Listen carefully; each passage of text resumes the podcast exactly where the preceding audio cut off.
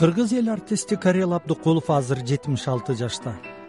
Ал кыска метраждуу даректүү фильмдер менен киножурналдардын режиссеру жана оператору катары башынан өткөн окуяларды фактыларга таянып кыска бирок образдуу айткандын чебери.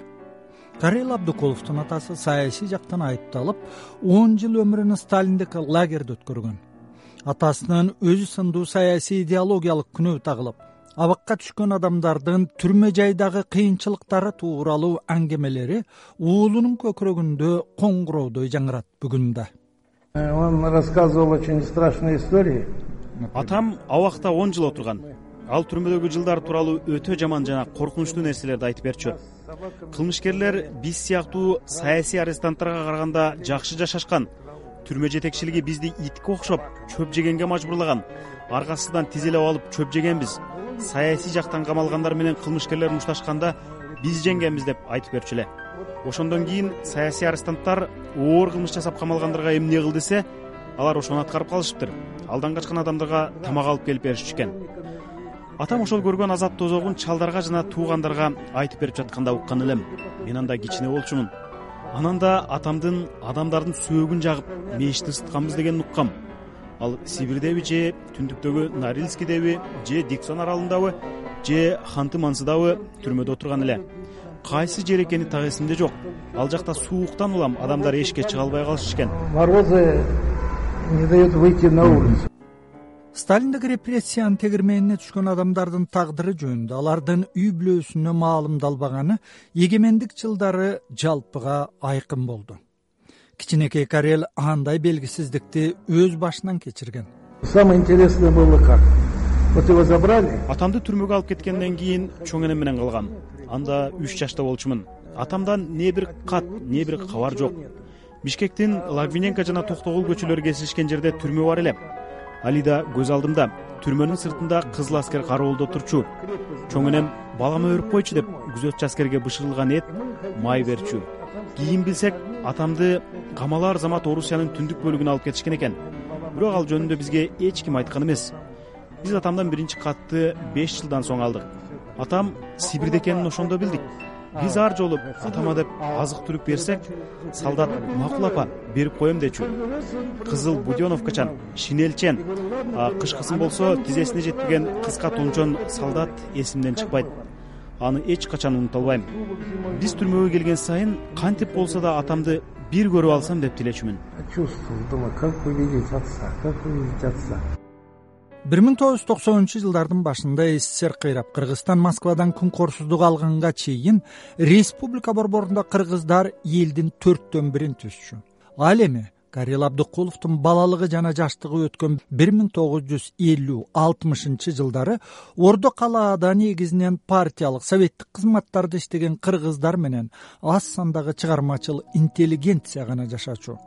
Окуу жайларда билим алган студенттер конок сыяктуу мөөнөтүн бүтүп бишкекти калтырып кетчү. Я учился почти во всех школах бишкека мен бишкектеги дээрлик баардык мектептерде окудум. Экинчи классты кыргызча окудум. Анан чоң энем балам эми орустун заманы болот сен мындан ары орусча окугун деп айтты. Үчүнчү классты орусча окудум. Биринчи чейректи жалаң эки деген баа менен бүттүм. Экинчи чейректе сабактардын теңи эки болду. Үчүнчү чейректе бир нече гана эки алдым. Төртүнчү чейректе такыр эки болгон жок. Окуу бөлүмүнүн башчысы сымбаттуу далдайган эриндери кыпкызыл сулуу аял болчу. Ал мени класстан класска которгондо бул бала жакшы окуп кетет сабагында жылыш бар көрбөдүкпү деди. Бул отуз биринчи мектепте болгон. Азыр бишкек гуманитардык университети бар го. Ал жердеги барак үйлөрдүн катарында төрт жылдык башталгыч мектеп бар эле. Анан мени он үчүнчү мектепке которушту ал кыздар мектеби эле. Эксперимент ирети үч төрт эркек баланы кабыл алышты. Бешинчи класста бир туугандарымын алтынчы класста болсо башка туугандардын үйүндө жашадым. Алар мага жаман мамиле кылышпады. Эч качан урушкан жок. Бирок адамдардын мага боору ооруганын сезчүмүн. Мен өзүм да урушканга жүйө бербедим. Себеби мени эч ким колдобосун билгем өзүм менен өзүм болуп гана жашадым. Көп окудум. Э, сам по себе учился читал. Карел абдыкулов бишкекте туугандарыныкында туруп мектепте окуп жүргөн кезде кыргызстандын бир миң тогуз жүз элүүнчү алтымышынчы жылдар арасындагы расмий лидери исхак разаковдун жөнөкөйлүгүн жана адамгерчилигин көрсөткөн бир окуянын күбөсү болот. Мен мынабу жерде турчумун э, эженикинде разаков плашчан кийими үтүктөлгөн шляпачан дзержинский бульвары менен жөө жумушка барчу бир ирет ойноп жатсак бир кары орус кемпир отун терип жүрүптүр. Өтүп бараткан разаков аны көрүп сиздин отунуңуз жокпу чоң эне деп сурады. Отунум жок ошого жыгач чогултуп жүрөм деди орус кемпир. Разаков кемпирдин кайда жашаганын сурады. Ал жашаган бурчта султанов деген райком секретары шаназаров деген чоң кызматкер жана башкалар турчу. Эртеси эле отун келди. Биз аны сарайга ташыганга көмөктөштүк. Кечээ бир төрө менден отунуң жокпу деп сурап кеткен болчу деп сүйүнүп жатты кемпир болочок кинорежиссер жетинчи классты бүткөндөн кийин бишкекте жашаганга баш баанек же тууган таппай окуусун кант районундагы айыл чарба техникумунда улантат. Кончил семь классов больше некому жить негде. Жетинчи классты бүткөндөн кийин шаарда жашаганыма адам жок болуп чыкты. Эч ким үйүн албайт. Ар кимдин өз бала бакырасы бар да анын үстүнө кыйын кезең. Ошого мени киркшолктогу айыл чарба техникумуна жиберишти. Техникумдун клубунда кароолчу болуп орношуп да алдым. Оркестрде ойнодум футбол командасына кирдим. Адабият мугалими айтып островскийдин гроза спектаклин койдум. Матрас төшөккө салынган кендир паклядан сакал жасап ал спектаклде николанын ролун аткардым. Кабаниханын ролун болсо чогуу окуган толук орус кыз ойноду. Төртүнчү курста окуп жүргөндө чоң энем өлүп аны акыркы сапарга узатуу үчүн уруксат сурап техникумдун окуу бөлүмүнүн башчысына кирдим. Ал мага сенсиз эле көмүшөт деди эле аны көздөй сыя челекти ыргытып ийип кетип калдым. Ошо боюнча техникумга кайрылып келбедим. И ушел и больше не вернулся.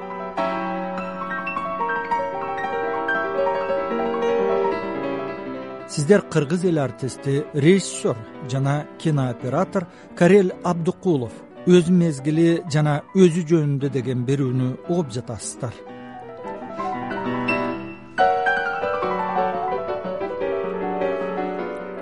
Ушул жерде орустардын өлкөдө жашаган башка улуттарга болгон мамилеси жана москванын улуттук саясатына токтоло кеткен жөндүү бир миң тогуз жүз отузунчу жылдардын ортосунан маалымат булактары орусиянын жана орустардын улуттук республикаларга көрсөткөн боордоштук жардамы тууралуу көп айта да жаза да баштаган.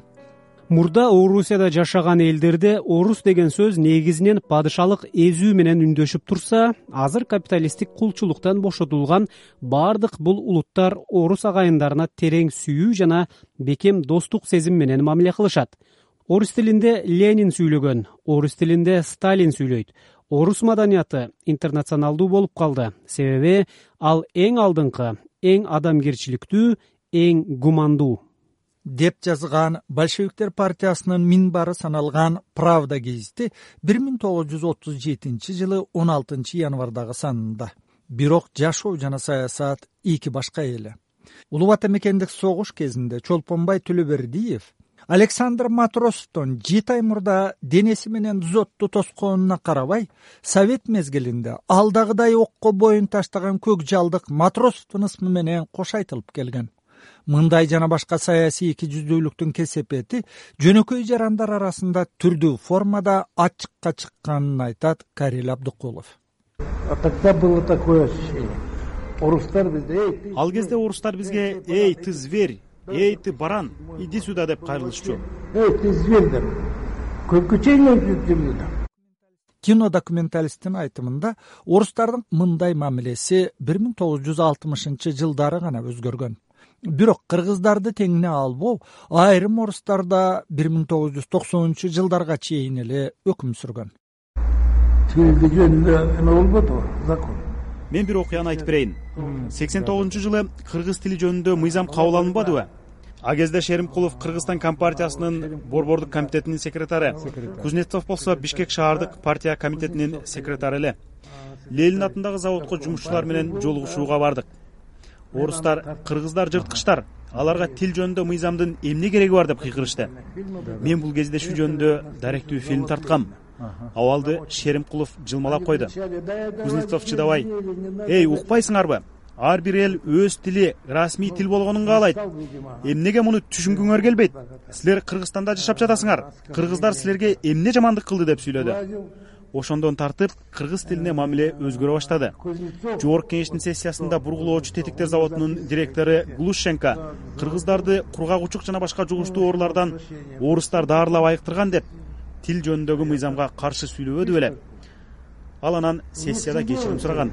И потом он же уехал в россию кинорежиссер болууну катуу көксөгөн карел абдыкулов советтер союзундагы кино өнөрүнүн устаканасы болгон бүткүл союздук кинематография институтуна кирүүнү алдына максат кылып коюп ал үчүн талыбай аракеттенет. Я четыре раза поступал первый раз мен вгикке төрт жолу тапшырдым. Биринчи жолу ашуу картинасынан кийин еврей оператор менен чогуу москвага окууга кирген жөнөдүк. Жолдомо мага берилген бирок биринчи экзаменден кийин аны алып алышты. Экинчи экзаменден кийин биринчи баам зачеттук китепчеде болгонуна карабай экзаменди кайра тапшырасың дешти. Себеби бааң ведомостто жок экен деп айтышты.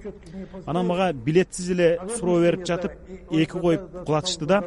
Азыр чыр салбай эмки жылы кел тынч кетпесең кийин институтка такыр албай коюшат дешти. А кийинки жылы костя оразалиев дагы барды. Анын атасы илимдер академиясында жетекчи кызматта иштечү.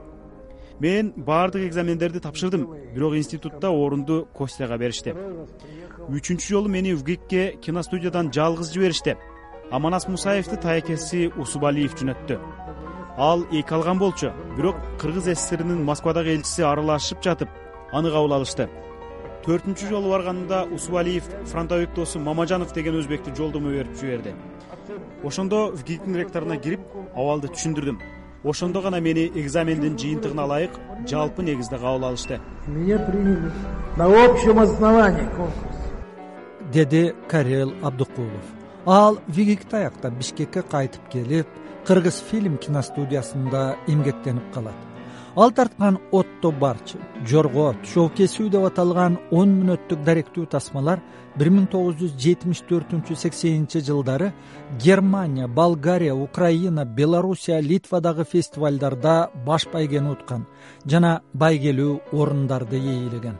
Саясий жактан жетик чебер режиссер жана кинооператор кыргыз ссриндеги олуттуу партиялык жыйындарда мартабалуу коноктордун республикага келүүсүн тасмага түшүргөн карел абдыкуловдун бай жана кайталангыс өмүрү өзү режиссер жана кинооператор катары тарткан киножурналдар менен фильмдер өңдүп эле кыргызстандын тарыхынын